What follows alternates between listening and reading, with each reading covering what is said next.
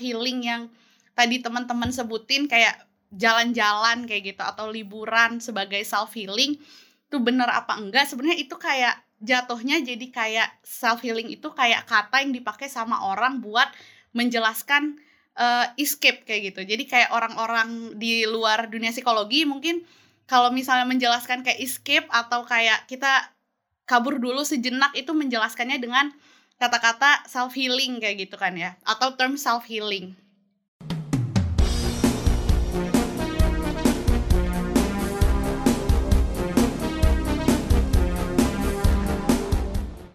Hi kind people, welcome back again in Kind to Mind Podcast, a place where everyone is connected. Baik lagi sama gue Berliana Yubi, tapi sayangnya hari ini gue nggak ditemenin sama partner gue yang biasanya Shay hari ini. Um, tapi gue tetap ditemenin sama partner gue lainnya, yaitu kenalan dong. Halo, halo semua, nama gue Radit, gue host magang di Mind Podcast. Jadi saya masih cerek kalau dibandingin sama Berlin, jadi mohon bantuannya semua. Oke, seperti biasa ya di Kainu Main Podcast yang program Storytime ini kita bakalan berbagi cerita, juga berbagi pengalaman bersama narasumber kita yang tentunya lebih tahu dan udah pasti lebih tahu banget, kredibel banget Betul. hari ini. Uh, and then, uh, kain people jangan lupa juga buat cek um, Kain to My Podcast sekarang udah ada di YouTube, not only on Spotify. Kalian bisa langsung aja search Kind People. Jangan lupa buat klik tombol subscribe dan loncengnya biar kalian gak ketinggalan podcast dari kita, oke? Okay? Betul. Tapi sebelumnya di briefing perasaan itu bagian tadi di briefing kayak bagian saya itu biar nyebutin subscribe kenapa anda ambil semua. Ya tapi nggak apa-apa. Nah, tapi, tapi kalian tadi bilang mau aku aja gimana sih? ya udah maaf. Tapi ya namanya juga kayak gue beberapa belakangan ini kayak gimana ya? Kan gue nah, namanya host magang kan ya. Bikin podcast kayak gini tuh kadang something that I like. Tapi kayak beberapa hari belakangan ini tuh kayak gimana ya? Kayak gue kehilangan mood aja kayak burnout gitu gitu. Kayak ngurusin podcast. Lu ada saran gak sih biar kayak apa yang harus gue lakuin gitu mungkin Kak Radit butuh yang namanya istirahat ya kak karena kalau misalkan Iya kan, kalau misalkan Karadi terus menerus ngelakuin sesuatu yang akhirnya buat Karadi capek, ya setiap orang tuh kayak butuh aja gitu yang namanya istirahat sejenak dengan waktu yang mungkin kayak yang gak lama-lama gak apa-apa terserah Karadit atau mungkin Karadit butuh yang namanya healing. Wah, apa itu healing? Aku tidak tahu healing. Apa itu healing? Ya, tapi ngomongin healing ya, ya bener-bener sih. Hmm. Tapi kayak aku sih aku lagi gua itu biasa kalau healing tuh ya net nonton Netflix itu termasuk healing gak sih atau kayak bermalas-malasan atau pergi jalan-jalan gitu biar itu termasuk healing gak sih apa kita mendingan panggil orang yang lebih tahu aja yang udah bakal jadi narasumber kita Iya gak sih? Aku juga nggak tahu sih sebenarnya healing itu kayaknya jalan-jalan doang deh. Kalau misalkan males-malesan di rumah kayaknya bukan healing deh kak. Tapi kayaknya kita, kita kalau misalnya iya kalau misalnya kita terus nanti kayak bakalan sotoy jadi nggak ada bobotnya gitu mending kita panggil narsum kita aja ya Bener banget. Jadi langsung aja ya kita panggil narasumber kita hari ini. Halo Kak. Halo Kak. Adis. Lu kalau kalau Kak nggak disebut namanya nanti kain people nggak tahu. Halo Kak Adis. Oh, iya. Apa kabar Kak?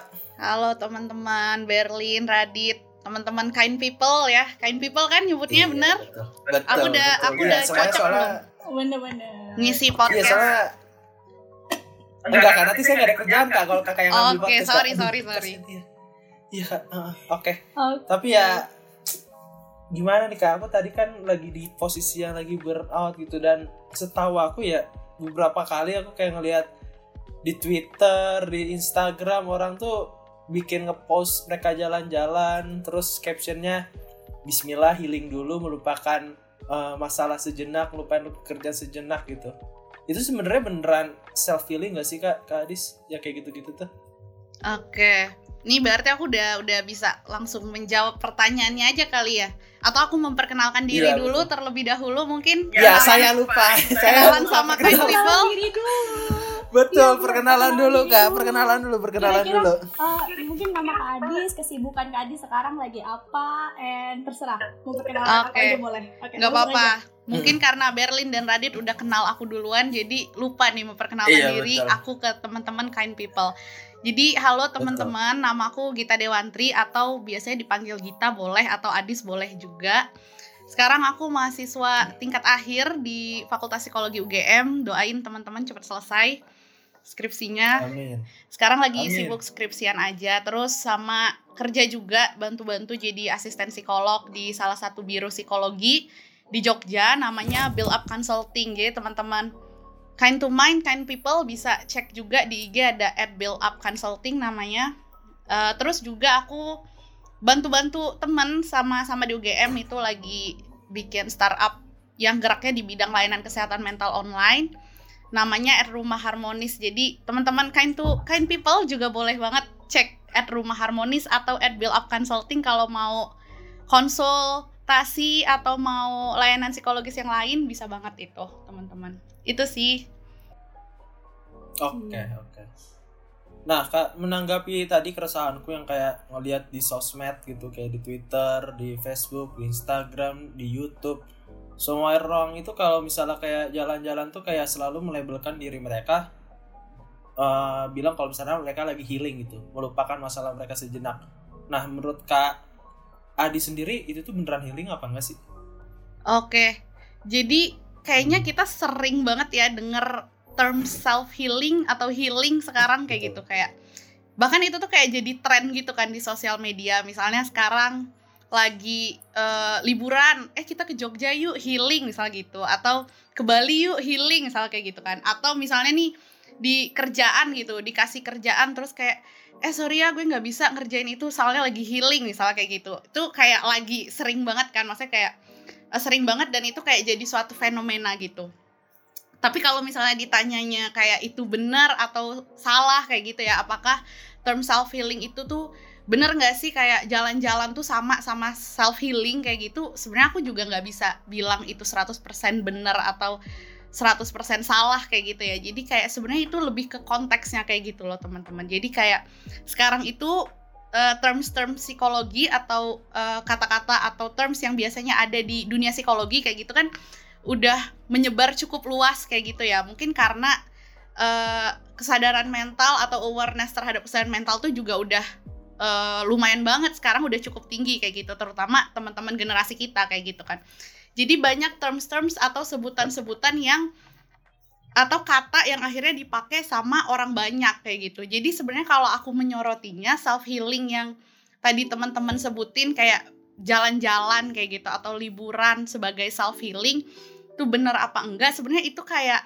jatuhnya jadi kayak self healing itu kayak kata yang dipakai sama orang buat menjelaskan uh, escape kayak gitu. Jadi kayak orang-orang di luar dunia psikologi mungkin kalau misalnya menjelaskan kayak escape atau kayak kita kabur dulu sejenak itu menjelaskannya dengan kata-kata self healing kayak gitu kan ya. Atau term self healing kalau misalnya balik ke fenomena tadi yang kayak liburan kayak gitu. Kita liburan dulu sebagai bentuk self healing sebenarnya kalau dari aku ya teman-teman liburan itu bisa aja kok. Bisa aja jadi bentuk self healing kayak tadi disebutin juga ada di rumah kayak gitu. Uh, di rumah aja misalnya kayak gitu. Itu wujud dari healing atau self healing juga atau enggak kayak gitu.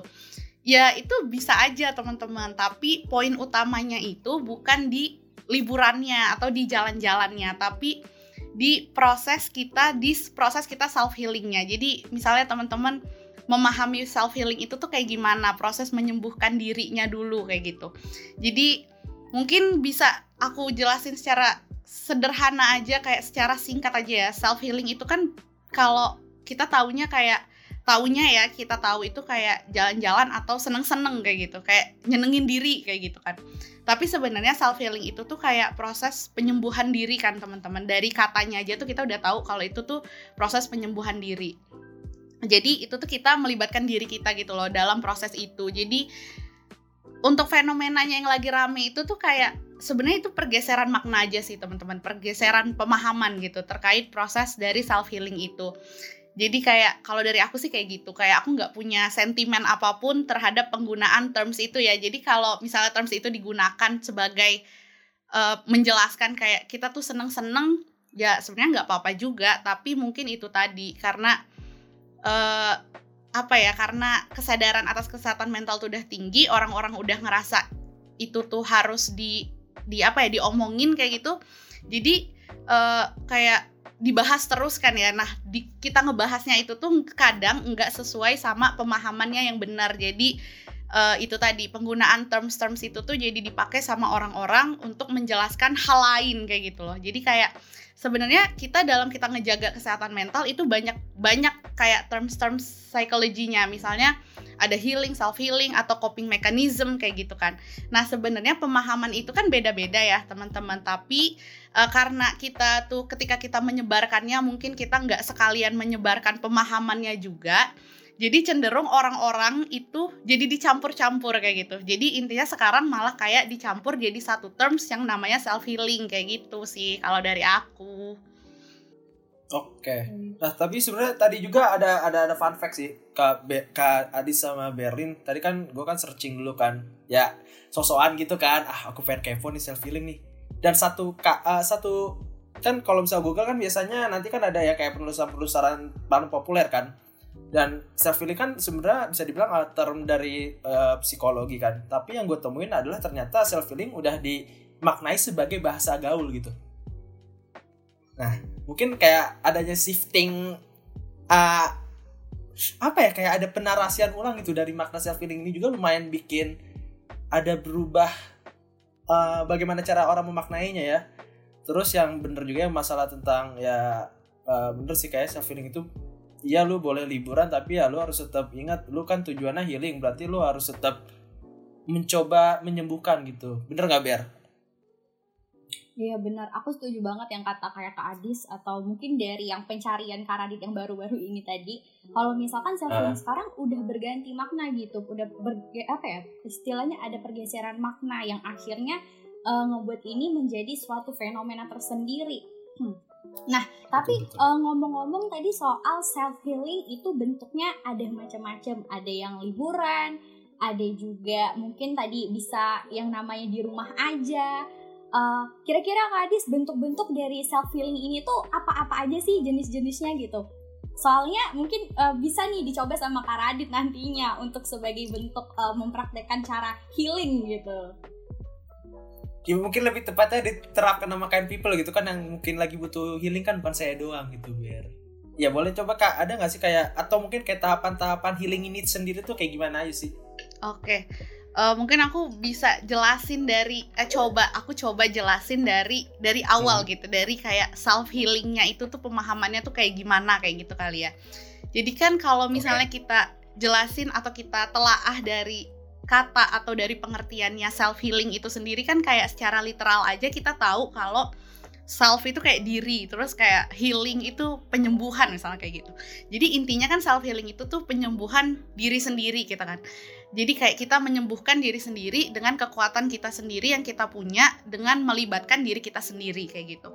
Nah, penyembuhan diri sendiri yang kayak gimana yang dimaksud apakah itu langsung ke jalan-jalan atau itu langsung ke uh, males-malesan di rumah sebenarnya kita tuh bisa pahamin dulu kayak uh, penyembuhan diri yang kita butuhin tuh yang kayak gimana luka yang kita punya tuh yang kayak gimana kayak gitu. Jadi misalnya penyembuhan diri sendiri misalnya nih teman-teman kind people Berlin Radit dan teman-teman kind people kita tuh kayak kita tuh harus tahu dulu luka kita tuh yang kayak gimana kayak gitu. Dalam konteks penyembuhan diri kayak gitu kan.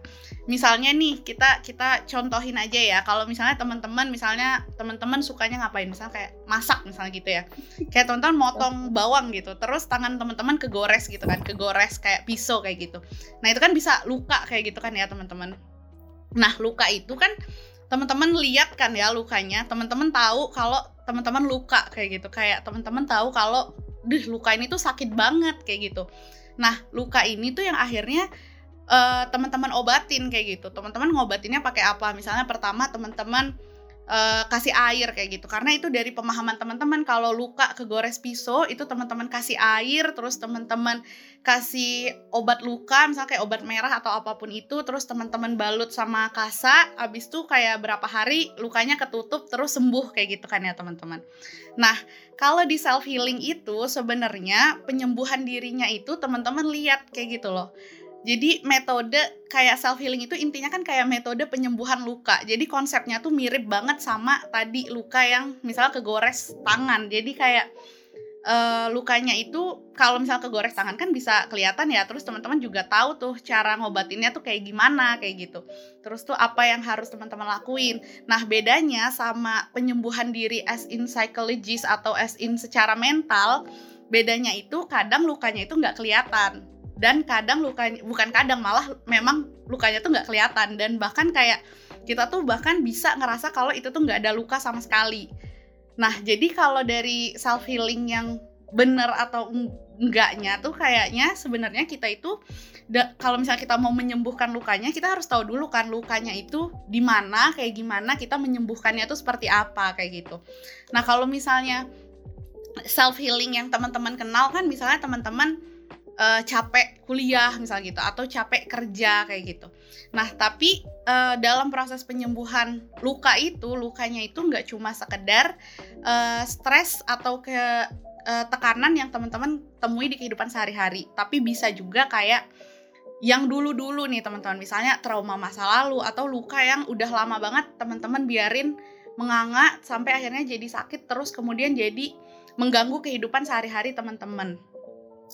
Nah, kalau misalnya aku boleh bantu bantu apa ya? Mungkin kayak sharing aja kayak bantu jelasin lagi kayak fenomena yang ada sebelumnya, yang ada sekarang, yang ada yang kayak liburan jalan-jalan yang kayak tadi disebutin itu biasanya kita nyebutnya atau kita tuh bilangnya taunya itu sebagai wujud dari coping. Jadi kayak misalnya stres yang teman-teman temuin di kehidupan sehari-hari, sumber stres kayak apa pun itu, misalnya bisa kayak sumber stresnya ya apa pun tadi disebut kayak kerja, kuliah atau apalah kayak gitu. Nah, coping itu tuh wujud untuk kita melindungi diri kita dari tekanan-tekanan yang muncul itu. Nah, jadi di coping itulah kayak kita fenomena itu tuh bisa kita jelasin dengan coping itu tadi. Jadi kayak di coping itu ada dua, ada problem focus coping sama uh, emotion focus coping. Ini aku sorry mungkin agak kayak ke mana-mana gitu ya, tapi ini kayak kita bisa membedakan self healing sama akhirnya sama terms yang lain misalnya kayak gitu. Jadi biar kita bisa tahu self healing itu yang benar dan yang salah itu seperti apa misalnya kayak gitu. Nah, jadi kayak fenomena sekarang yang tadi jalan-jalan, liburan atau escape sebagai wujud dari self healing, sebenarnya itu kita bisa ngejelasinnya pakai terms emotion focus coping. Jadi emotion focus coping itu mungkin lebih apa yang dirasain sama teman-teman itu lebih familiar gitu. Jadi misalnya teman-teman uh, stres sehari-hari, teman-teman menghadapi situasi tertekan sehari-hari. Nah, di emotion focus coping itu teman-teman cuma fokus buat ngilangin emosi negatifnya. Nah, itu tadi yang kayak teman-teman jalan-jalan, makan enak, misalnya kayak gitu, atau teman-teman tidur di rumah seharian. Nah, itu nggak apa-apa, teman-teman. Maksudnya kayak itu pilihan teman-teman dalam cara teman-teman menghilangkan stres atau stres yang ada di kehidupan sehari-hari atau stres yang bisa teman-teman hadapin kayak gitu. Nah, jadi kita menghindari stres atau menghilangkan stres itu dengan mencari distraksi lain. Nah, itu tadi yang bisa ngejelasin fenomena uh, healing healing ke apakah healing itu tuh kayak sama-sama jalan-jalan atau refreshing kayak gitu. Nah, itu bisa dijelasin pakai terms emotion focus coping. Jadi bener-bener cuma kita tuh kayak uh, menghilangkan sumber stresnya aja gitu. Nah, tapi bedanya sama self healing, self healing itu tuh proses teman-teman. Jadi kayak kita tuh nggak bisa sekedar kita jalan-jalan karena kita sedang stres terus kita ngerasa kita sudah sembuh kayak gitu karena dari self healing itu tuh kita tuh proses penyembuhan itu kan panjang nggak cuma sekedar kayak misalnya teman-teman tadi luka yang kelihatan misalnya kegores itu terus teman-teman diemin aja mungkin itu lukanya bakal kenganga lebih lama menganga lebih lama gitu kan daripada teman-teman langsung sembuhin pakai uh, teman-teman balut kasa segala macam. Nah itu tadi self healing itu tuh kayak gitu. Jadi kayak teman-teman itu sebuah mana, proses mana, yang di mana ya. di prosesnya itu ada proses penerimaan tadi kalau misalnya pertanyaan bentuk dari self healingnya itu ada proses penerimaan proses teman-teman uh, menerima luka yang teman-teman punya itu seperti apa misalnya traumanya lukanya atau kenangan-kenangan buruknya kemudian teman-teman membantu diri teman-teman sendiri buat memahami atau mengenali pikiran-pikiran atau perasaan-perasaan negatif yang akhirnya mengganggu kehidupan sehari-hari teman-teman kayak gitu. Nah, jadi pertama yang pasti menerima terus mengenali perasaan negatifnya baru teman-teman bisa mengurai satu persatu sebenarnya masalahnya tuh ada di mana sebenarnya kenapa luka itu tuh masih ada di dalam diri teman-teman kayak gitu yang akhirnya jadi beban pikiran dan perasaan yang gak enak di dalam diri teman-teman itu bisa teman-teman urain, perasaan negatifnya bisa teman-teman keluarin. Jadi bentuk dari self healing itu nggak bisa aku bilang langsung kayak uh, oke okay, self healing itu tips and trick self healing, jalan-jalan, uh, dengar lagu itu tuh nggak bisa kayak gitu. Jadi karena itu menyangkut kayak luka batin atau perasaan negatif yang teman-teman masing-masing atau kind people tuh punya kayak gitu. Jadi uh, prosesnya itu ya tadi mengenali, memahami lukanya, terus akhirnya mengurai. Kalau udah kenal tuh sama lukanya, teman-teman urai satu persatu masalahnya itu seperti apa kayak gitu. Oke, nah misal okay. tapi kayak gini kak, pertanyaan gini nih, kadang kan ada yang namanya luka kan, apalagi proses penyembuhan itu pasti kita bahkan yang luka fisik pun kita mendengar yang namanya rasa sakit kan. Nah, selama proses self healing yang dalam konteks uh, mental health ini tuh kayak wajar nggak sih kalau misalnya kita ngerasa sakit selama proses healing tersebut? Oke, nah itu itu itu bener banget. Jadi itu wajar banget. Kayak kalau konteksnya tuh sama banget sama kalau misalnya teman-teman punya luka fisik. Masalahnya kan lukanya nggak kelihatan, terus tuh juga cara ngobatinnya tuh nggak tahu kayak gitu. Kalau luka fisik itu kadang kita minum obat aja tuh hilang bisa minum obat pereda nyeri misalnya, terus bisa hilang gitu kan. Kayak rasa sakitnya tuh bisa hilang. Nah tapi kalau uh, luka batin atau luka secara mental misalnya atau sakit yang kita rasain secara mental itu tuh penyembuhannya itu tuh bahkan kita tuh nggak tahu kayak gitu loh teman-teman. Cara yang pas dan sesuai sama kita tuh kayak gimana. Nah misal kita punya luka terus tadi pertanyaan pertanyaannya mungkin gak sih kita selama healing itu kayak ngerasain sakit gitu kan? Karena namanya luka harus diobatin dan kita ngerasain sakit. Nah itu tuh mungkin banget karena kita tuh pertama dalam proses penyembuhan diri atau proses self healing itu kan kayak kita harus melihat luka itu kan. Maksudnya kayak kita harus lihat tuh lukanya tuh kayak gimana terus bentuknya tuh seperti apa. Bahkan kalau misalnya itu adalah luka yang udah terpendam yang udah kita biarin uh, lama di dalam diri kita misalnya kayak gitu itu kan berarti ketika kita mau melalui proses healing kita tuh harus ngebuka luka itu lagi kan ya. Maksudnya kita harus ngebuka kenangannya lagi misalnya kayak gitu. Nah itu mungkin banget kita ngerasain sakit yang sama yang kita rasain waktu luka itu ada tuh sangat-sangat mungkin. Nah mungkin itulah kenapa pentingnya kita itu melalui proses penyembuhan diri atau proses self healing atau healing secara general itu. Biar kalau misalnya kita ada luka atau ada kenangan buruk yang lama terpendam di dalam diri kita itu suatu hari kalau misalnya kita udah melalui proses penyembuhan suatu hari ketika kita inget lagi memori itu rasa sakitnya tuh nggak sama kayak yang waktu kita tuh belum sembuh kayak gitu loh. Mungkin itu sih. Oke berarti sangat wajar ya untuk kind people untuk merasa sakit dalam proses penyembuhan ya. Tapi kan pada akhirnya kan rasa sakitnya bakal terbayangkan kalau misalnya kalian akhirnya udah bener-bener pulih kan. Jadi ya worth it lah sakitnya Berin ada ada atau gimana nih Ber? Ada ada tanggapan lain nggak Ber? Oke, okay, aku tadi mau balik lagi deh nanya. Uh, dari Gimana? aku baca ya Kak Adis ya uh, kemarin itu di salah satu jurnal atau web aku lupa. Nah kalau misalkan healing itu salah satu bentuk dari uh, sel um, stress coping Nah, terus dari stress coping ini akhirnya kayak oh iya nih ada dua cara nih caranya yang dari Kak Adi sebutin tadi. Oh ternyata ada yang namanya emotional focus coping yang di mana dia lebih ngefokusin gimana ya caranya untuk uh, ngehindarin diri dari masalah sumber masalah yang ada, melakukan suatu kegiatan yang akhirnya um, dapat menyembuhkan diri.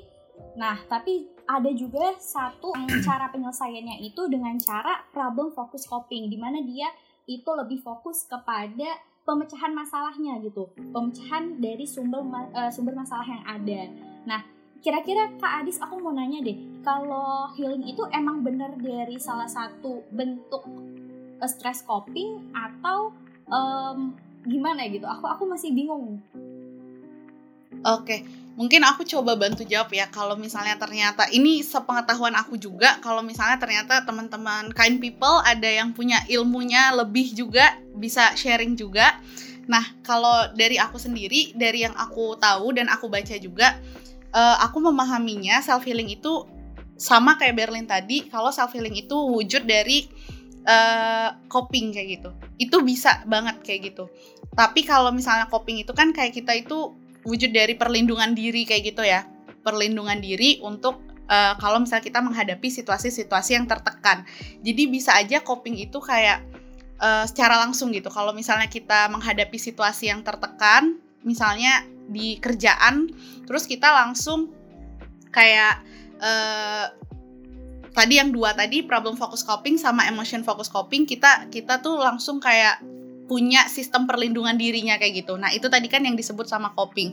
Self healing itu bisa aja atau healing itu bisa aja sebagai wujud dari coping itu karena wujud dari uh, gimana kita menangani stres kayak gitu. Jadi misalnya aku bisa uh, sharing juga atau aku bisa kayak menjelaskan lebih lanjut juga ya mungkin kayak stres itu kan sebenarnya sebuah respon respon diri kayak gitu kan jadi kayak uh, kita itu punya kita ketemu sama suatu sumber stres kemudian respon tubuh atau respon mental kita itu uh, itu yang tadi disebut sama stres. Jadi itu kayak responnya kita kayak gitu.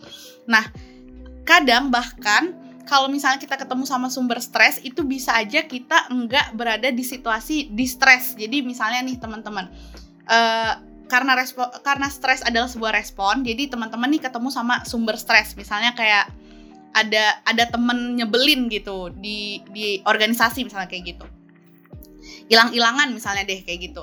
Nah terus sebenarnya itu bisa banget jadi sumber stres kan ya teman-teman. Tapi misalnya teman-teman punya suatu memori sebelumnya kalau cara teman-teman mengatasi tem, uh, temen yang kayak gitu tuh kayak gimana.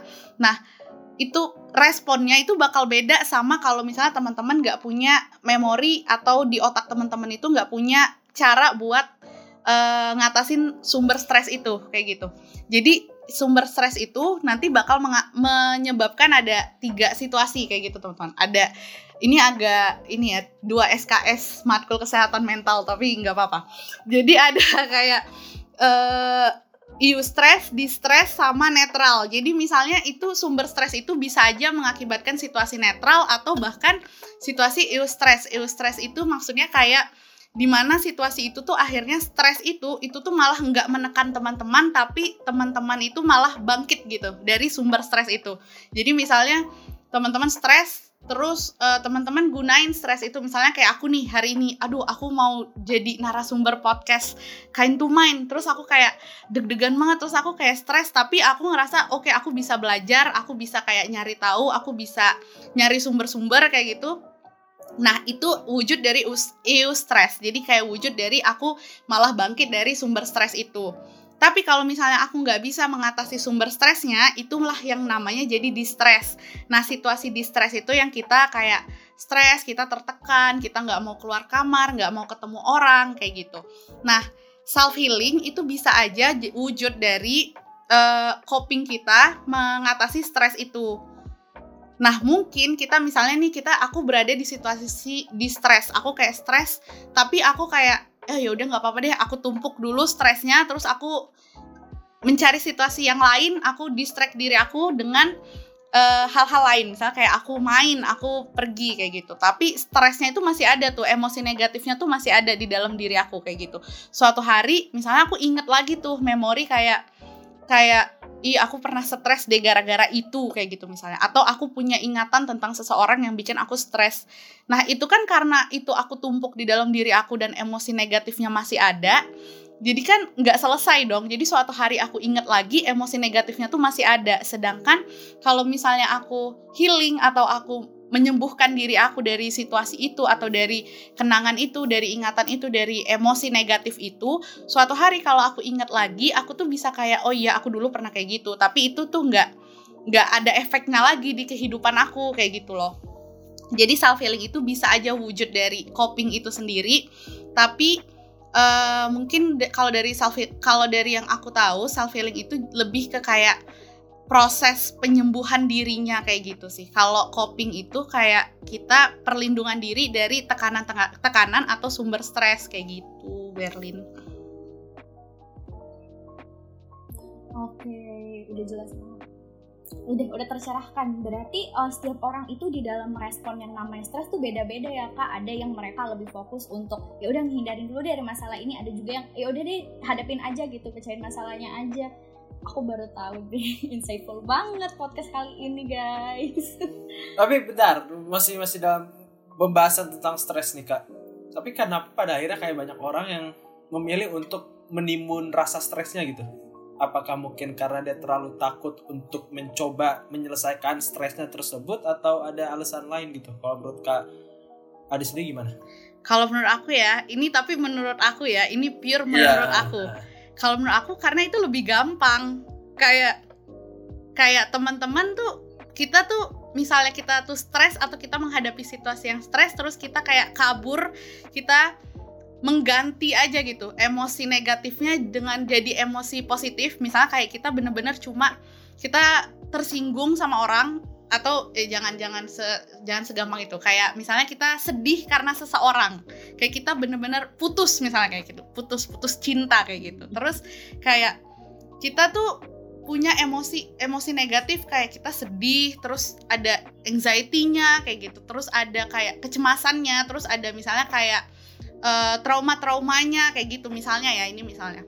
Itu tuh lebih gampang kita untuk kabur atau kita bukan kabur ya maksudnya kayak kita tuh mengganti itu dengan emosi positif. Itu nggak salah ya teman-teman. Aku nggak bilang itu salah. Itu bisa aja bener kayak bukan bisa aja bener. Maksudnya tergantung di diri teman-teman masing-masing. Jadi itu lebih gampang kita dengan kita liburan jalan-jalan main sama temen terus kayak uh, happy gitu. Kayak kita mengganti emosi-emosi itu kita tuh menggantinya dengan emosi-emosi yang lebih positif. Misalnya kayak kita senang kita ketemu sama kawan deh jadi lebih senang kayak gitu. Tapi tapi kalau misalnya nggak kita sembuhin dan itu benar maksudnya kayak nyanyi nyanyi sama teman main sama teman tuh lebih gampang kan daripada kamu menghadapi orang yang bikin kamu trauma kayak gitu. Atau lebih gampang buat kita kayak uh, apa ya kayak ya happy gitu mengganti emosi negatifnya jadi emosi positif daripada kita berusaha untuk ngelihat masalahnya itu ada di mana sih? Terus kayak kenapa ya bisa jadi kayak gitu? Itu kan melalui proses yang panjang ya teman-teman. Apalagi kalau misalnya masalahnya itu atau konfliknya itu melibatkan orang lain. Jadi nggak cuma melibatkan perasaan kita aja atau emosi yang kita punya tapi kan melibatkan emosi orang lain juga. Nah kita tuh harus matchingin emosi kita terus kita harus nge-matchingin cara pemikiran kita sama orang lain. Itu lebih susah kan ya daripada kita kayak nanti dulu deh mikirinnya kita seneng-seneng dulu deh hari ini kayak gitu. Itu kan lebih gampang kalau dari aku sih kayak gitu karena mungkin karena emang uh, menyela apa ya kayak kita tuh menekan emosi negatif itu lebih gampang daripada kita mencoba untuk mengeluarkan emosi negatifnya kayak gitu. Tapi pada akhirnya emosi negatif itu tetap perlu untuk dikeluarkan juga kan kak? Uh, iya maksudnya kayak itu bakal ada terus di dalam tuh di dalam okay. diri kita itu nggak okay. akan nggak akan hilang kalau nggak kita yang mencoba untuk menghilangkan kayak gitu loh hmm, hmm, hmm. berarti kayak mungkin dari dari pertanyaan itu kayak mungkin kita bisa dapat gambaran lebih apa ya kayak maksudnya beberapa orang kan masih kayak kurang yakin dengan konsep healing ini gitu. Mungkin dari Kak Adis sendiri bisa ngejelasin kayak sebenarnya tujuan atau arti penting dari self healing ini tuh apa sih kayak kenapa harus kita lakuin gitu? Oke. Jadi tujuannya yang maksudnya kayak yang jadi tujuan yang harusnya jadi tujuan seseorang ketika hmm. seseorang memutuskan untuk oke okay, aku mau melalui proses uh, eh, self healing itu karena self healing itu tuh proses penyembuhan diri. Jadi itu kan kayak wujud gimana teman-teman itu menyembuhkan diri teman-teman kayak gitu. Jadi tujuannya itu ya gimana caranya teman-teman mengeluarkan perasaan-perasaan yang atau emosi-emosi yang tertunda gitu. Bisa wujudnya kayak amarah-amarah yang tertunda misalnya atau kenangan-kenangan buruk yang teman-teman simpan sejak lama yang kemudian di suatu hari itu mengganggu pikiran teman-teman atau mengganggu kehidupan uh, teman-teman sehari-hari kayak gitu. Jadi kalau kita tuh punya luka yang gak kita sembuh-sembuhin itu tuh bisa aja bisa jadi bom waktu kayak gitu loh teman-teman. Jadi kayak itu tuh bisa banget untuk kita tuh jadi kayak sulit gitu menikmati kegiatan kita sehari-hari. Bisa banget juga kita jadi nggak produktif karena kita keinget misalnya kita jadi keinget situasi yang eh, dulu-dulu atau kita malah kayak apa ya kayak jadinya pokoknya mengganggu kehidupan sehari-hari kita kayak gitu. Nah, kalau misalnya kita bisa melalui proses self healing itu kan kita bisa mengeluarkan, kita bisa menguraikan uh, emosi-emosi negatif, perasaan-perasaan yang kemarin sebelum sempat kita selesain. Jadi kita bisa menerima gitu lukanya, terus kita bisa ngelepasin kayak gitu. Jadi menerima dan melepaskan kayak gitu loh teman-teman. Jadi jadi suatu hari walaupun ingatannya teman-teman tentang keadaan itu tuh masih ada, tapi perasaan kayak sakitnya itu tuh nggak nggak ada lagi gitu. Teman-teman nggak merasakan sakitnya lagi kayak gitu loh. Itu kalau misalnya uh, emosi negatif atau perasaan negatifnya sudah bisa atau sudah mampu teman-teman lepaskan dari diri teman-teman kayak gitu. Berlin gimana Berlin? Oke. Okay. Um, mungkin dari tujuannya tadi salah satunya mungkin kayak ini ya kak. Uh, memahami diri sendiri terus kayak kita bisa lebih menerima ketidaksempurnaan kita terus kita juga kayak oke okay, uh, setelah adanya healing uh, setelah adanya stres yang kali ini akhirnya hati kita dan mental kita bisa lebih kuat dan tetap tegar untuk menghadapi segala rintangan kehidupan ini. Nah anyway kak kita tadi kan udah ngomongin tentang tujuan gitu Nah, kira-kira orang-orang yang seperti apa sih yang sebenarnya butuh self healing ini? Apa benar nih self healing itu harus dilu, uh, dilakukan rutin atau dilakukan kalau misalkan lagi perlu aja gitu? Kira-kira gimana nih kak? Oke, jadi ini kalau misalnya aku uh, coba coba menjawab ya. Jadi kayak karena tadi udah dijelasin juga tuh kayak self healing itu kan kayak proses pan cukup panjang yang bisa aja panjang gitu. Yang melibatkannya itu diri kita sendiri. Karena itu konteksnya dari self itu tadi. Jadi self healing itu kalau menurut aku tuh bisa dilakuin sama kita kita yang emang ngerasa mampu gitu untuk merawat atau menyembuhkan uh, diri kita sendiri. Kalau misalnya kita masih mampu untuk ngeliat uh, luka atau kenangan tadi yang kita punya kayak gitu. Tadi kan uh, tadi udah sempat dibahas juga kalau misalnya ketika kita healing itu prosesnya bisa aja menyakitkan kayak gitu kan. Nah, kalau misalnya kita masih mampu tuh untuk ngeliat luka yang kita punya, terus kita punya kekuatan juga buat uh, mencoba untuk ngelewatin proses penyembuhannya itu jadi sebenarnya self healing itu bisa dilakuin sama semua orang kayak gitu, sama siapa pun. Tapi uh, ini yang mau aku apa ya kayak bantu tegasin juga kalaupun ternyata kita tuh nggak punya kekuatan gitu untuk ngelewatin apa ya proses dari penyembuhan diri sendirinya itu itu tuh juga nggak apa-apa banget. Jadi misalnya kita berada di situasi stres berat kayak gitu terus kita udah mencoba tuh kayak kita udah mencoba mengurai masalahnya kita udah mencoba untuk melakukan hal-hal yang bisa kita lakukan tapi ternyata uh, kita tuh tetap berada di situasi kayak gitu misalnya kayak gitu. Nah itu kita bisa uh, seek atau seek professional help atau seek help dari orang orang lain karena itu juga wujud dari healing in general kayak gitu. Jadi mungkin kayak self healing itu wujudnya kayak penyembuhan diri sendiri uh, yang di mana kita mengandalkan diri kita sendiri kayak gitu ya. Tapi kan kalau misalnya healing itu kan secara general kayak lebih ke gimana kita penyembuhannya kayak gitu kan. Jadi misalnya kita bisa lihat dulu sign-sign atau kayak eh, tanda-tanda yang ada di dalam diri kita kayak sumber-sumber stresnya itu seperti apa. Terus kita kayak apakah sumber-sumber stres itu tuh benar-benar mengganggu kehidupan sehari-hari kita kayak gitu. Jadi situasi stres itu kan kayak nggak mengenakan banget ya teman-teman ya. Itu kayak kita pasti hampir semua orang pernah berada di situasi stres kayak gitu jadi kayak itu bisa terjadi dan dihadapi sama semua orang. Kita tuh pasti uh, apalagi kita semakin kita gede, kita juga semakin banyak uh, sumber-sumber stres yang bisa kita temuin kayak gitu. Nah, pada dasarnya sebenarnya diri kita itu tuh kayak punya sistem gitu untuk menghadapi stres sehari-hari atau gangguan stres sehari-hari karena uh, jadi kayak manusia itu tuh secara alamiah kita itu tuh mampu gitu teman-teman buat melakukan penyembuhan diri dari gangguan-gangguan yang kita temuin di kehidupan sehari-hari yang kemudian itu menyebabkan stres. Jadi misalnya teman-teman tuh ada kayak stres sehari-hari yang bener-bener uh, yang emang hampir semua orang tuh melalui itu. Misalnya kayak uh, di pekerjaan misalnya kayak gitu. Terus kayak terlalu banyak beban kerjanya.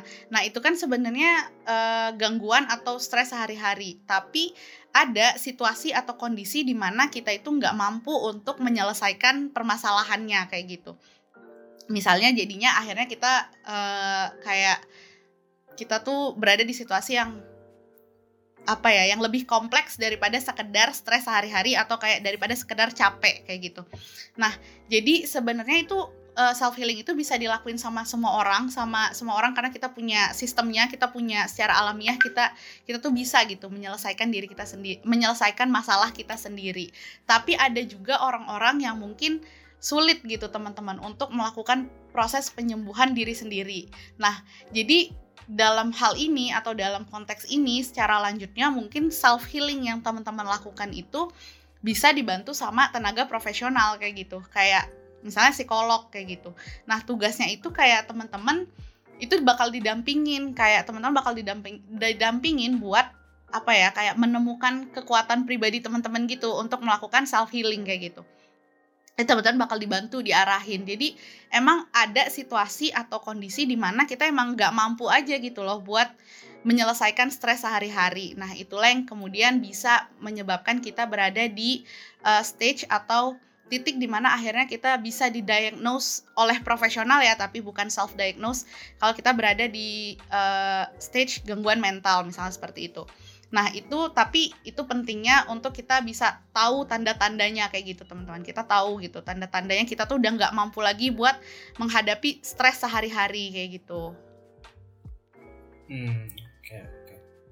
Berarti ini emang sebenarnya self healing ini sebuah apa ya bisa bilang perjalanan hidup sih kayak nggak yang kayak seminggu dua minggu tapi kayak benar-benar bisa makan berapa tahun bahkan bisa seumur hidup gitu. Tapi kayak balik lagi sih kayak sebenarnya self healing ini tuh benar-benar berpatokan kita harus pergi ke suatu tempat atau mungkin ya bisa dibilang kayak harus ngeluarin du duit lah buat ngelakuin atau emang benar-benar bisa difokuskan kayak kita kayak self development diri sendiri kayak uh, me time, self compassion atau mindfulness atau gimana tuh kak?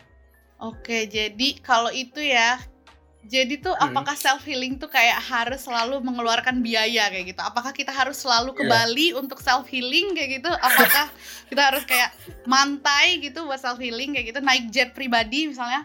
Nah itu sebenarnya kalau dari yang aku tahu uh, itu tadi tadi udah udah coba dijelasin juga terkait emotion focus coping tadi. Jadi self healing itu uh, bisa aja bentuk dari coping mechanism tapi belum tentu sama sama uh, coping mechanism kayak gitu jadi self healing itu belum tentu sama sama uh, teman-teman escaping atau teman-teman kayak refreshing kayak gitu. Jadi karena pada intinya self healing itu kayak proses gitu teman-teman. Jadi proses yang mungkin aja bisa panjang atau bisa aja enggak tergantung uh, teman-teman masing-masing, kind people masing-masing.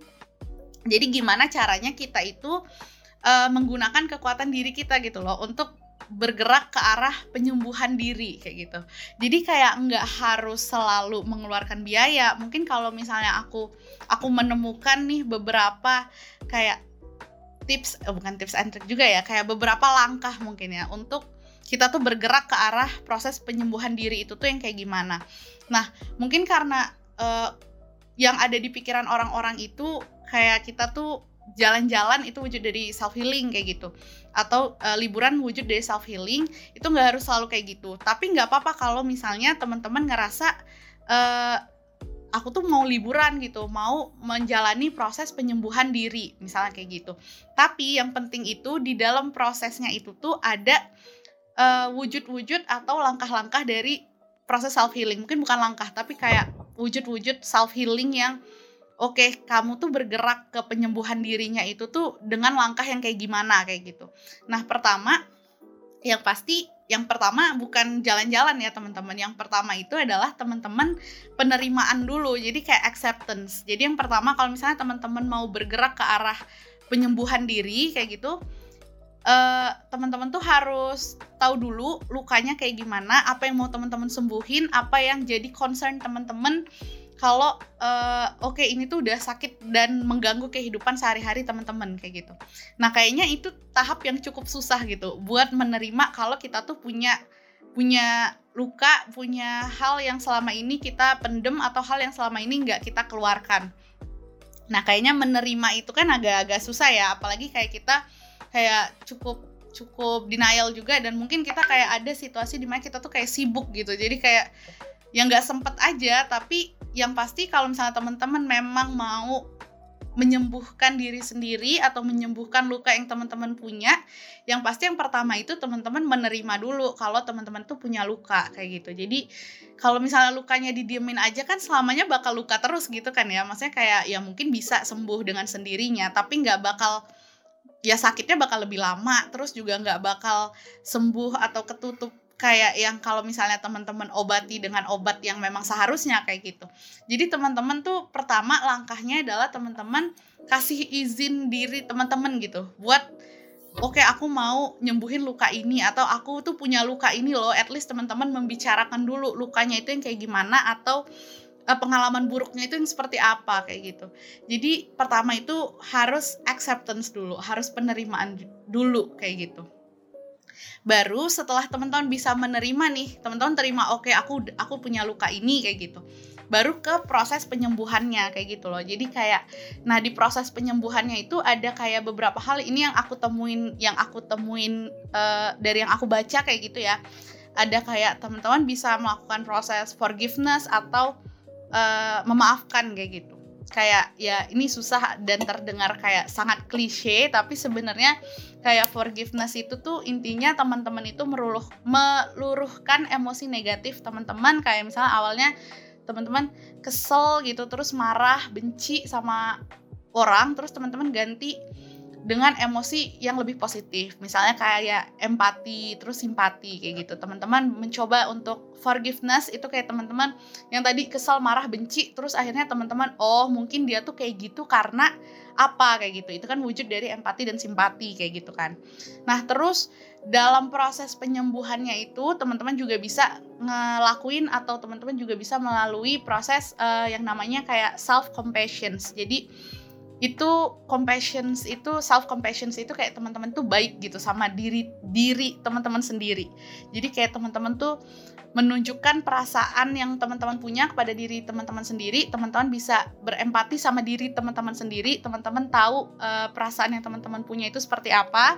Terus sakitnya itu kayak gimana sedihnya itu kayak gimana kayak gitu. Terus baru teman-teman uh, baik gitu loh sama diri. Jadi kayak kalau misalnya ada temennya teman-teman yang cerita kayak gitu kan kita cenderung kayak berusaha berempati kayak gitu kita berusaha kayak kita uh, paham gitu keadaan dia tuh kayak gimana terus kita mencoba untuk memberi nasihat yang baik gitu yang eh, kira-kira dari sudut pandang dia tuh bakal kayak gimana. Nah itu bisa teman-teman lakuin ke diri teman-teman sendiri. Jadi nggak jahat gitu loh soal diri sendiri. Kayak kalau misalnya kita tuh ada masalah tuh nggak yang kayak ah karena lu tolol sih kayak gitu tuh enggak. Tapi kayak oh mungkin masalahnya tuh di sini di sini di sini kayak gitu.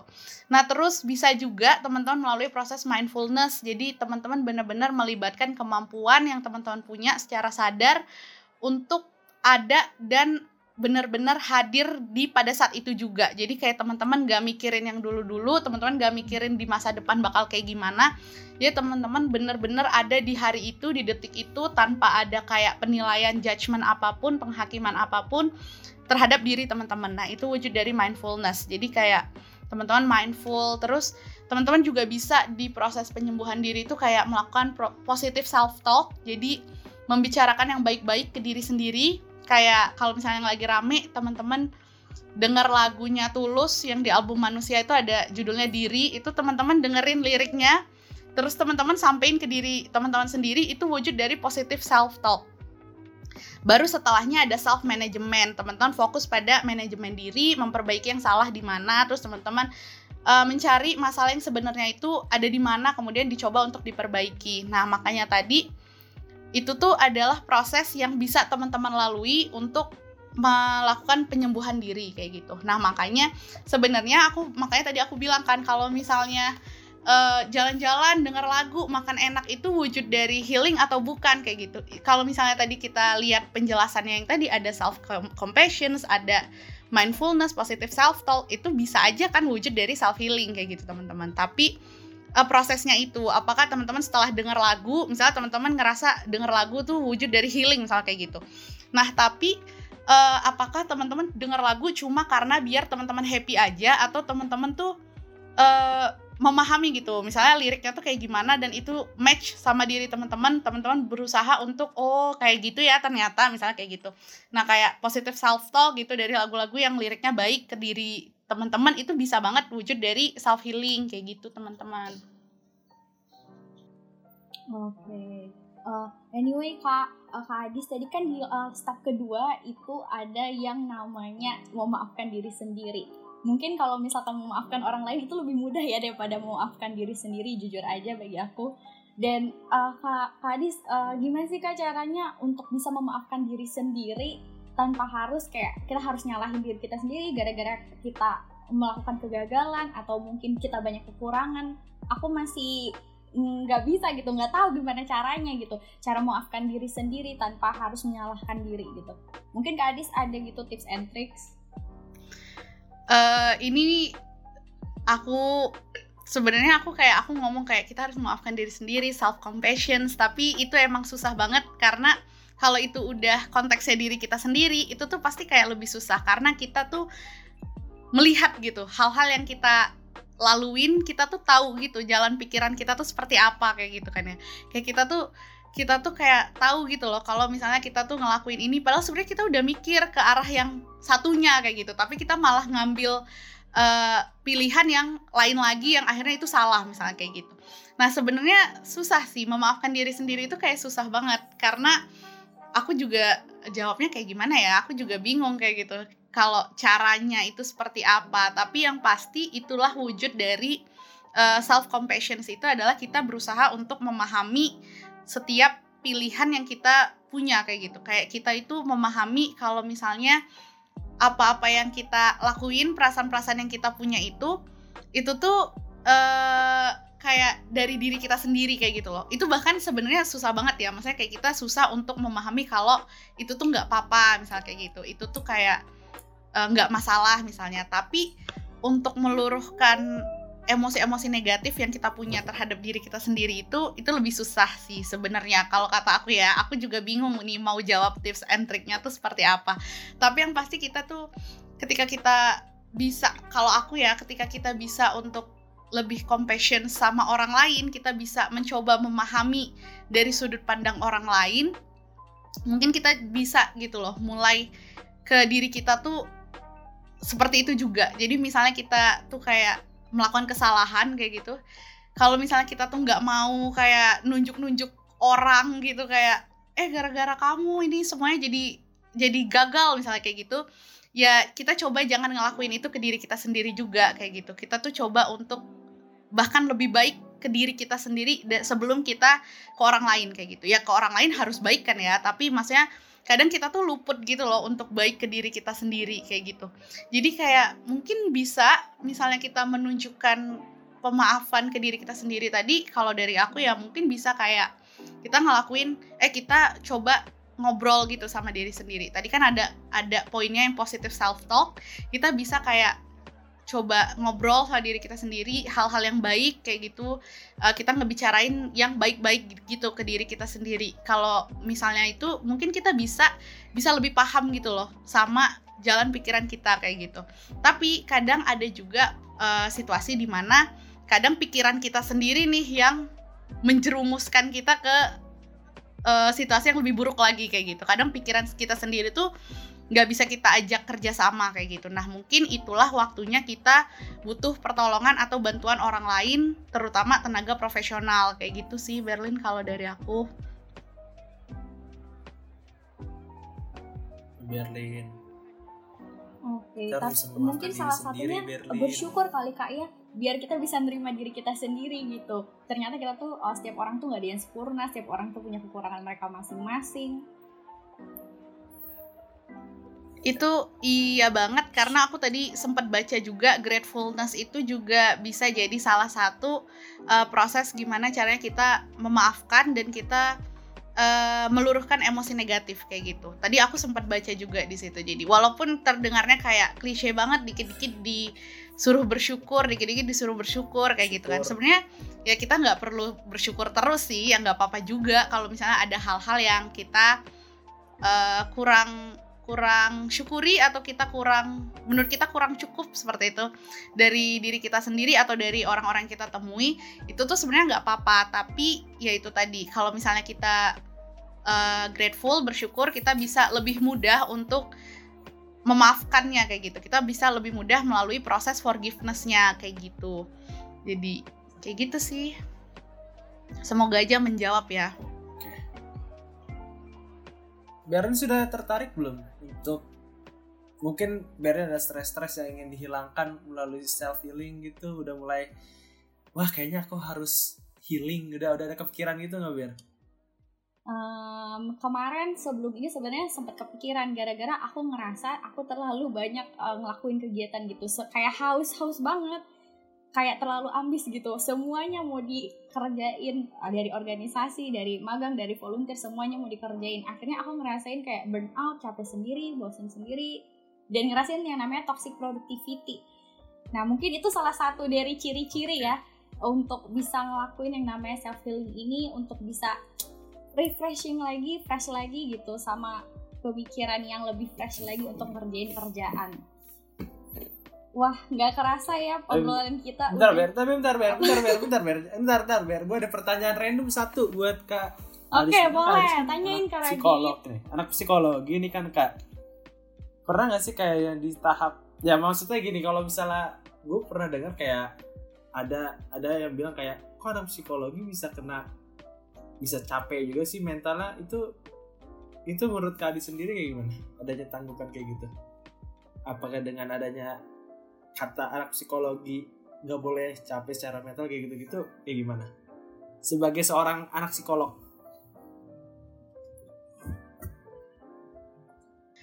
Uh, itu sih uh. karena kebetulan ya yang kuliah di psikologi itu yang daftar di kuliah psikologi itu manusia semua sih kebetulan jadi nggak nggak ada yang malaikat gitu. Nggak ada yang kayak nggak bisa ngerasain capek gitu kan. Jadi itu uh, apa ya kayak hal-hal yang dilaluin sama orang-orang di luar dari ya kuliah psikologi kayak gitu itu dilaluin juga sama anak-anak psikologi gitu loh. Nggak karena mereka uh, belajar tentang kesehatan mental jadi mereka kesehatan mentalnya udah pasti bagus gitu kan tapi sama kayak teman-teman kedokteran kayak gitu FK kayak gitu. Kayak mahasiswa FK berarti kayak mereka nggak boleh sakit gitu kan. Kalau misalnya mereka kuliah di FK mereka tahu tuh segala penyakit misalnya kayak gitu. Tapi nggak membuat mereka jadi nggak bisa sakit gitu kan. Karena uh, sesuatu hal atau suatu hal terkait kesehatan mental itu bukan cuma dari internal kayak gitu teman-teman tapi juga eksternal kayak gitu. Jadi kayak dari luar juga gitu. Apalagi uh, situasi-situasi stres atau situasi-situasi yang bikin kita berada di situasi uh, berada di kondisi yang kita nggak bisa kita tanganin lagi dengan diri kita sendiri itu kan nggak cuma dari dalam diri kita aja ya tapi juga dari luar. Kita bahkan uh, mungkin orang-orang malah taunya malah lebih banyak dari luar kayak gitu memang diri kita sendiri juga ikut andil sih kayak gitu ya. Nah mungkin ini ya poinnya tuh adalah kalau misalnya anak psikologi kan kayak nggak boleh bukan nggak boleh kayak kok bisa sih hmm. kena sakit mental juga padahal kan lebih tahu gitu kayak belajar gitu cara-cara mengatasinya tuh kayak gimana misalnya kayak gitu. Ya sebenarnya kayak ya ya gimana ya kayak mungkin anak-anak psikologi atau teman-teman psikologi itu punya pengetahuan yang lebih emang uh, terkait hal itu. Jadi kayak kita emang lebih aware kayak gitu. Jadi kalau misalnya kita melihat nih tanda-tanda di dalam diri kita sendiri, di situ kita tahu kapan kita harus minta bantuan. Nah, mungkin di situ sih poinnya kayak tapi nggak menutup kemungkinan kalau misalnya kita tuh eh, maksudnya nggak nggak membuat kita tuh jadi nggak butuh bantuan orang lain karena kita bisa menanganinya sendiri kayak gitu loh kayak uh, dokter kan kalau misalnya dia sakit nggak operasi sendiri kan ya teman-teman. Misalnya usus buntu gitu terus kayak dia ngejahit sendiri kan nggak nggak juga kan ya teman-teman.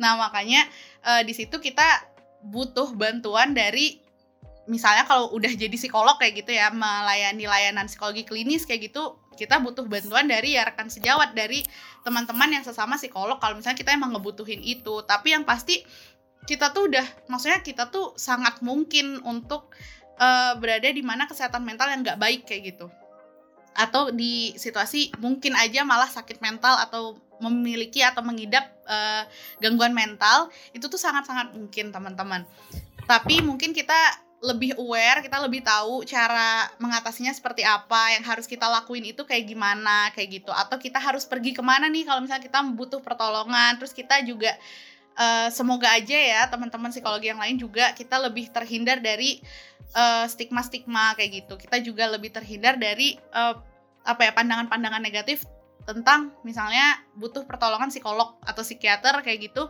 Kita kan lebih terhindar dari hal itu jadi mungkin lebih mudah buat kita mencari pertolongan misalnya kayak itu atau lebih mudah buat kita untuk misalnya melalui proses self healing itu kayak gitu. Tapi bukan berarti kita nggak bisa sakit kayak gitu nggak bisa kayak uh, berada di situasi yang kayak gitu sangat mungkin tapi mungkin kita lebih aware aja Terima kayak gitu sih jawab pertanyaan random saya Kadis ini gimana Per? Apakah ada list-list yang harus ditanyakan lagi atau harus kita bahas? Nggak kerasa kalau misalkan kita udah uh, ya mungkin udah berapa jam ya kita ngomong ngobrolin tentang self healing ini.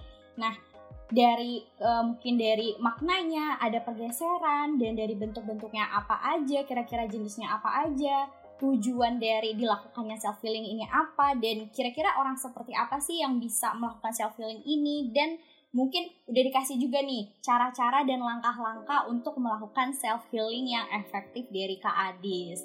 Nah, dari semua ini mungkin dari Kak Adis sendiri ada closing statement atau ada kata-kata sepatah dua kata yang ingin disampaikan kepada kind people gitu. Boleh Kak Adis?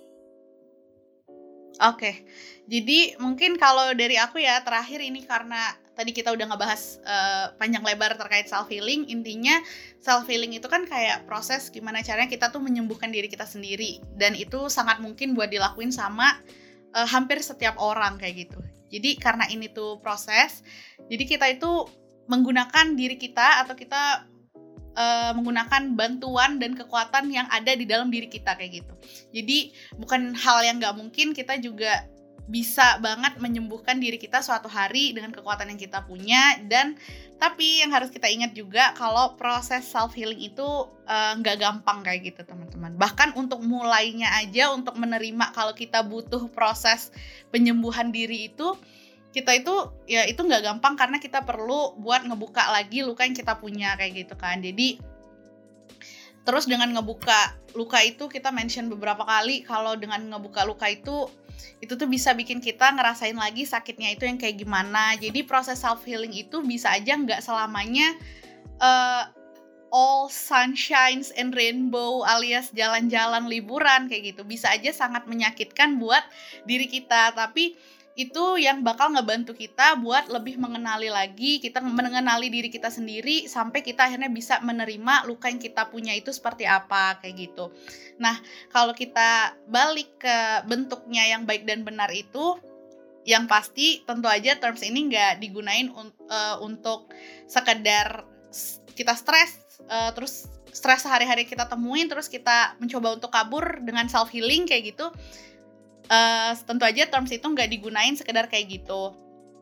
Karena self healing itu kayak suatu keadaan yang di mana uh, emosi negatif yang terpendam di dalam diri kita itu kemudian kita berusaha untuk mengurainya kayak gitu. Kita berusaha untuk mencoba mengeluarkan hal itu. Jadi kalau dari aku sendiri yang perlu diingat dalam self healing ini karena ini sebuah proses yang tentunya nggak bisa dicapai atau di apa ya digapai dengan cara yang instan kayak gitu. Karena ini adalah proses penyembuhan diri. Jadi nggak cuma sekedar teman-teman jalan-jalan kemudian self healing tapi poinnya adalah apakah di dalam liburan atau jalan-jalan itu atau di dalam hal-hal menyenangkan yang teman-teman lakukan itu ada proses penyembuhan dirinya, ada proses penerimaan dari luka batinnya, ada proses memaafkannya atau enggak sampai ada enggak proses penguraian masalah yang selama ini terpendam di dalam diri teman-teman. Jadi misalnya kita ada masalah terus kita malah menghindari masalah itu kayaknya terms yang tepat itu lebih ke denial kayak gitu kan daripada self self healing. Tapi sebenarnya mungkin aja itu tadi uh, cuma perubahan makna terkait terms yang digunakan kayak gitu. Kayak maknanya tuh lebih melebar jadi nggak bisa dibilang itu salah atau enggak. Karena ya sebenarnya kalau dari aku sendiri uh, uh, terserah teman-teman aja mau menggunakan termsnya tuh seperti apa kayak gitu. Tapi yang pasti karena kita di sini mencoba untuk sharing ilmu yang sekiranya kita tahu tentang gimana self healing itu yang selama ini uh, aku tahu dan aku kenal di dalam dunia psikologi misalnya kayak gitu. Jadi intinya itu gimana kita kalau misalnya teman-teman mau menggunakan term self healing untuk jalan-jalan liburan itu sebenarnya nggak apa-apa, tapi ya itu tadi. Kayak kita tuh berusaha kalau misalnya kita mau menyebarkan sesuatu atau kita mau aware terhadap sesuatu berusaha juga kayak kita memahami konteks dan pemahamannya kayak gitu. Terus sekalian juga karena mungkin karena topiknya ini erat banget kaitannya sama awareness terkait kesehatan, mental kayak gitu ya. Mungkin ini juga yang jadi tujuannya teman-teman kain to mind membentuk kain to mind misalnya kayak gitu. Jadi kayak kita melihat kayak kesehatan mental itu terutama di generasi kita itu udah cukup cukup tinggi kayak gitu kesadarannya. Kayak di generasi kita itu kayak teman-teman kita seumuran kita itu tuh udah sangat-sangat aware sama kesehatan mental itu yang seperti apa terus kenapa kita harus ngejaganya terus cara kita secara efektif buat ngejaganya itu kayak gimana. Tapi ya aku harap juga eh, kesadaran itu tuh dibarengin juga diiringin juga sama pemahaman yang baik gitu. Jadi kayak penyebarannya itu dibarengin sama pemahaman-pemahaman biar kita itu tahu gitu konsep dan konteks yang bener itu yang kayak apa kayak gitu. Jadi nggak sedikit-sedikit bawanya itu kesehatan mental gitu loh. Jadi nggak sedikit-sedikit uh, bawanya tentang kesehatan mental tapi malah mengarah ke hal-hal yang kurang baik kayak gitu. Terus jangan sampai kita jadi karena kita aware sama kesehatan mental kita jadi uh, eh, self diagnose terus juga kita malah dalam penyebarannya nih kita malah uh, melukai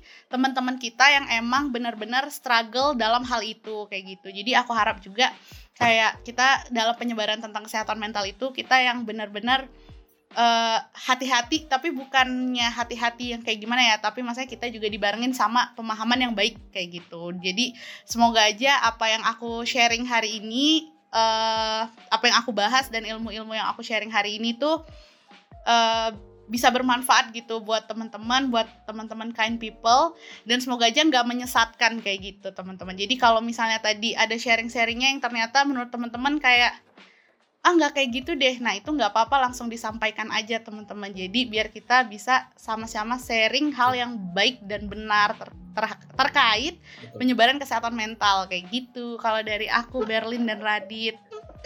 Betul. Betul. Ya bener sih kayak kalau misalnya kalian ada ketidaksetujuan mungkin kan kita ada YouTube sekarang bisa kalian drop di comment section kayak enggak menurut aku kayak gini gini gini nggak apa-apa. Namanya juga pendapat kan bisa beda-beda kan. Maksudnya kayak tidak ada kebenaran yang 100% jadi ada poin di mana mungkin di sini lebih banyak benernya ada yang mungkin lebih banyak salahnya. Jadi ya tidak ada yang benar-benar 100% mau kebenaran maupun kesalahan. Berin ada closing mungkin kalau misalnya closing dari aku uh, ini ya dari yang tadi itu ternyata um, udah masih banyak banget gitu orang-orang yang menganggap bahwa self healing ini merupakan fenomena. Uh, ya yeah, let's break that stigma. Menurut aku tuh stigma yang jelek banget.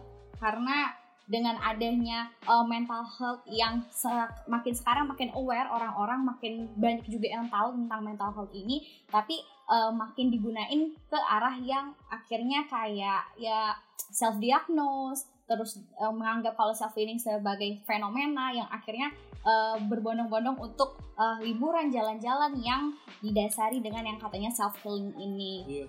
Dan semoga dengan adanya podcast kita ini uh, berguna juga untuk teman-teman gitu biar tahu arti dari self healing sebenarnya itu apa dan gimana sih cara melakukan self healing yang baik dan benar. Nah, itu aja sih kalau misalkan dari aku um,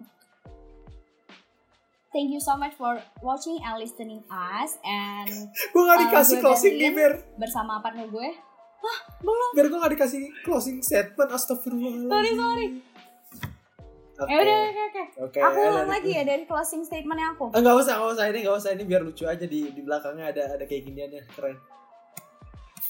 Mungkin dari gue ya kalau Sumpah di sini nggak gerak kalian sama sekali nggak gerak. Eh, aku kesel. Yang penting ada suaranya, yang penting ada suaranya. Mungkin dari gue closing statement dari gue udah. adalah ini singkat padat jelas aja ya karena kita mau closing juga. Yang namanya luka itu harus diobatin, bukan untuk ditutupin. Oke, jadi itu aja mungkin closing dari gue. Sampai jumpa di episode berikutnya. Terima kasih lagi, eh terima kasih sekali lagi buat narasumber kita ya Ber Kak Gita udah yeah. menemani kita, udah sharing-sharing informasinya. Mungkin Kak Gita mau promo-promo Instagramnya apa atau ada ada apa lainnya gitu? Gak apa-apa. Uh, promosi Kak. IG aku kalau mau follow aja nggak apa-apa kalau nggak mau add Gitadis S-nya 2 kalau mau tanya-tanya nggak apa-apa juga nanti insya Allah kalau aku nggak sibuk atau aku lenggang aku jawab terus uh, kalau misalnya teman-teman butuh layanan psikologis bisa banget teman-teman ke at buildup.consulting kayak gitu oke okay. oke okay, jadi teman-teman kind people bisa cek dan jangan lupa okay. juga buat follow at kindtomind.id di Instagram dan juga cek kita di Spotify dan YouTube kalian Kind to Mind terus di YouTube Kind People. And sekarang beneran closing and thank you so much for watching okay. and listening us and see you in uh, next episode. Gue Berliana Yubi bersama partner gue Radit. Sampai jumpa di episode berikutnya. Dadah. Dadah. Dah boleh di selesai recordnya.